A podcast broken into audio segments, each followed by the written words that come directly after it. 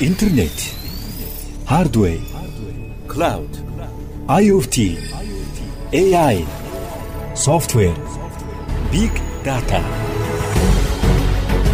Та дижитал аялалд бэлэн үү? Дижитал аялал подкаст.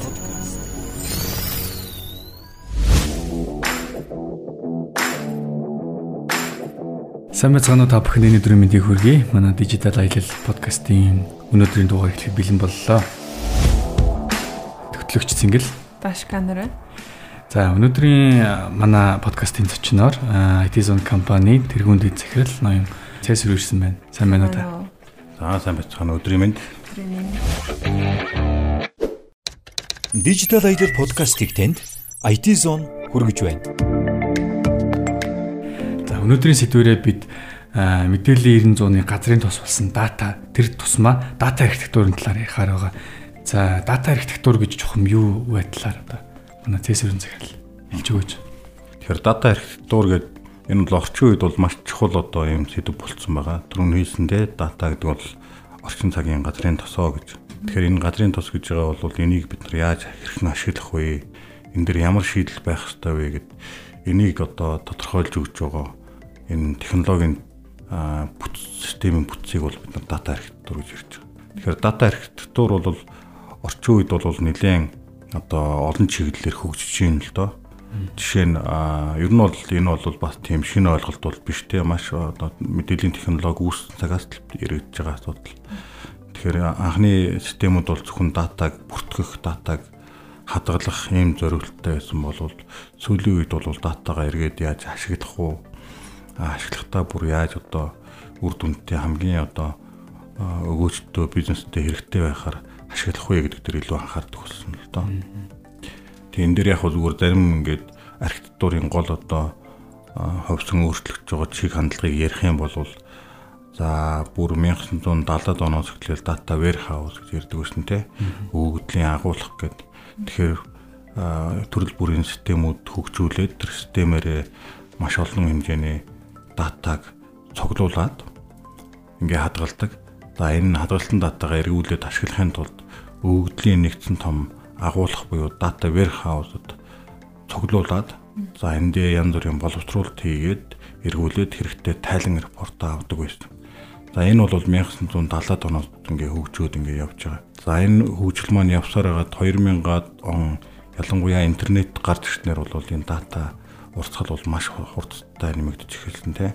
Тэгэхээр датаны төрөл маань өөрөө бас маш олон төрөл болсон. Жишээ нь зүгээр одоо программын одоо нөгөө structure буюу хүтнэгтэн датанаас гадна unstructured буюу хүтнэгчлээгүй файл эсвэл одоо элдв янзын төрөл зүйл форматтай ийм датанууд бий болж эхэлсэн. За давхраас интернетийг дагаад одоо жишээ нь видео стрим гэдэг юм те зөвхөн видеотой холбоотой видео анализ хийхтэй холбоотой юм чиглэл гараад ирсэн байна гэдэг юм ингээд төрлөөс хамаарат маш олон төрөл хөгжөө явчихж байгаа. Хамгийн сүүлийн үеийн чиг хандлагууд гэх юм бол жишээ нь дата маань түрүүний хэлсэн интернетээс гадна 2010-ад оноос эхэлсэн смартфон буюу тий ухаалаг гар утасны технологийн тусламжтайгаар улам хурдтай өсөж байгаа. За энийг энэ маань эргүүлээд маш их хэмжээний өгөгдлийг яаж боловсруулах вэ гэдэг асуудал тулгарсан. Жишээ нь уламжлалт дата warehouse гэдэг бол одоо тодорхой нэг юм компьютерийн систем дээр суулгаад ажилуулдаг. Тэгэхээр их хэмжээний өгөгдлийг бол одоо хүртнээрээ боловсруулах боломжгүй. Яагаад тэгэхээр хүтэн чадал нь тухайн одоо суусан компьютер системийн хүтэн чадлаар одоо хязгаарлагддаг тий. За тийм учраас их хэмжээний өгөгдөл одоо хэдэн зуун терабайт гэдэг юм уу маш их хэмжээний мэдээллийг боловсруулахын тулд шал өөр технологиуд гарч ирсэн байгаа юм. Одоо жишээ нь бидний мэддэг Facebook ч юм уу, Twitter ч юм уу те өдөрт хэдэн тэрбум хүн ашиглаж хэдэн зуун сая хүн ашиглаж байгаа ийм технологи системүүд бол маш их хэмжээний мэдээлэл зүгээр урсаал ороод ирж байгаа гэсэн үг шүү дээ. Тэгэхээр энийг боловсруулахын тулд уламжлалт дата warehouse-ын технологи бол ягаад ч явахарг болсон л доо. Тэгээ энэ дэр бол нөгөө нэг дистрибьют гэж ярьдаг тархалттай ийм өгөгдлийг боловсруулах системүүд ашиглаад эхэлсэн. Ийм технологиуд гараад эхэлсэн. Тэгэхээр дата маань өөрөө ингээд уртад ороод ирэхэд тэрийг болвол хэсэгчилж хуваагаад тэгээ олон машины тусламжтай зэрэг боловсруулах байдлаар явдаг ийм технологиуд гараад ирсэн байна. За энэ бол бидний нэлийн сүүлийн 5 10 жил яриад байгаа big data буюу те их хөгжлөдөг технологийн чиг хандлага байна. Энэ бол маань э, big data их хөгжлийн компаниуд 2008 9 оноос анх гарч эхлээл тэгэл 2010 оноос яг одоо бүр яг үндсэн технологийн байр суурь олж аваад өнөөдөр бол бас нэлээд мачур гэж хэлж болохоор боловсронгуй болсон ингээ явж хөгжөө явж байна. За сүүлийн 3 4 жил бол энэ big data дотроо бас дахиад өшөө хөгжсөн байгаа. Яаж хөгжсөн бэ гэхээр одоо сүүлийн үеийнх нь бол стриминг гэж ярьдаг те. Стриминг буюу хэмжээний өгөгдлийг боловсруулахаас гадна их хэмжээний өгөгдлийг шууд бодит хугацаанд нь боловсруулад хариу үйлдэл үзүүлдэг ийм технологиуд гарч ирж байна. Яагаад ийм хэрэгтэй болж байна вэ гэвэл та нар дахиад бид түрүүний Facebook-ийн жишээг авъя те. Facebook дээр яадгүй бид нар пост оруулдаг. А пост оруулсан бол нөгөө талдаа бид нар постуудыг уншдаг шүү дээ те. Facebook дээр. Тэгэхээр чин та нар зүгээр ингээ боддоо өдөрт хэдэн зуун сая хүн пост оруулж байгаа. Тэгэхээр та цаанаа байж байгаа өгөгдөл боловсруулдаг технологи маань тэр постыг нэгдүгээрт нь бичих нь шүү дээ. Цаашаа өгөгдлийн сан руугаа. Нөгөө талд нь бичгээс илүү унших нь хамгийн их төвхтэй байхгүй юу? Ягаад тэгэхээр бичгчин бол бид нар ингээд яг ингээд тодорхой бичиж байгаа хүн бол нэлээд хугацаа зарцуулаад ингээ оруулдаг. Аа Facebook дээр пост унших бол зүгээр хурууныхаа үзүүрээр бид нар гүйлгээд уншдаг үстэй.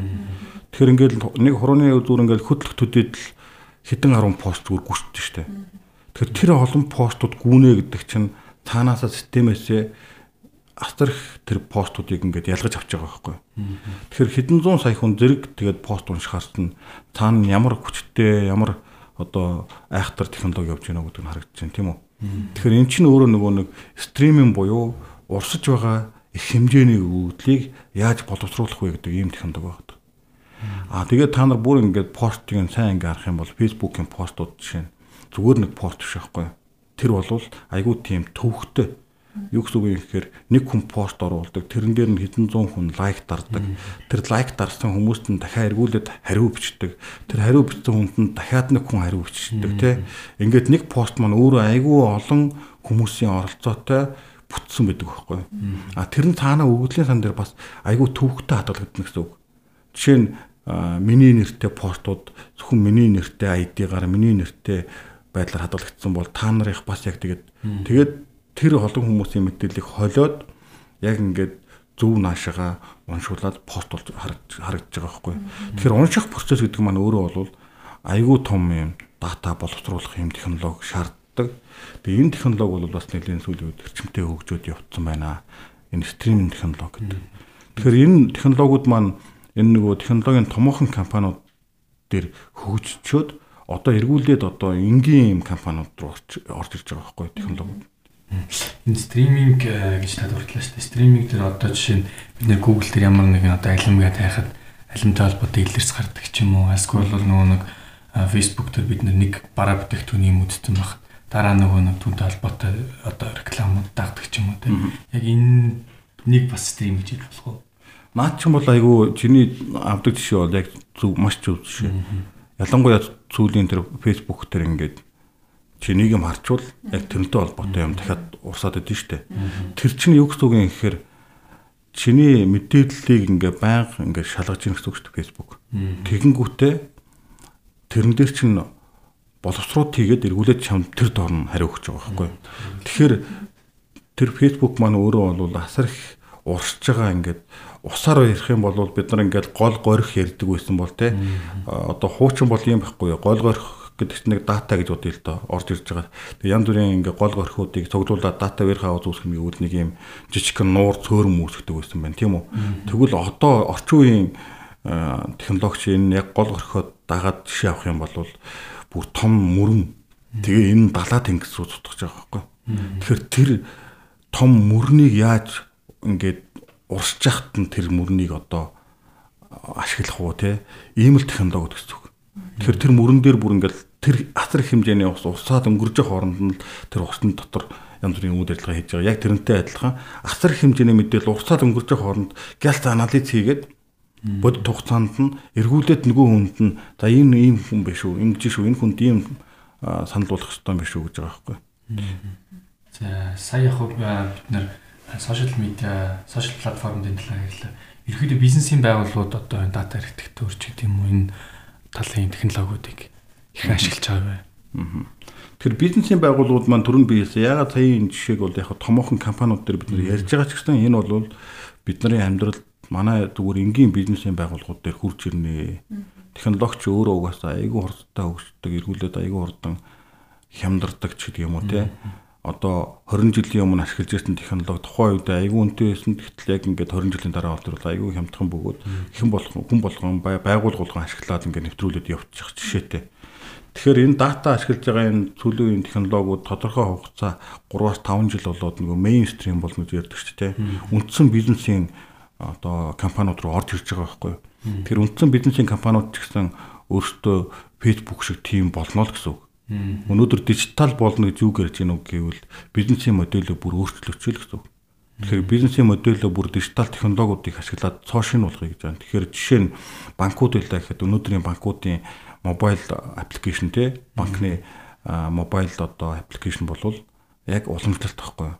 Ямар ч тэн дээр респонс байхгүй шүү дээ.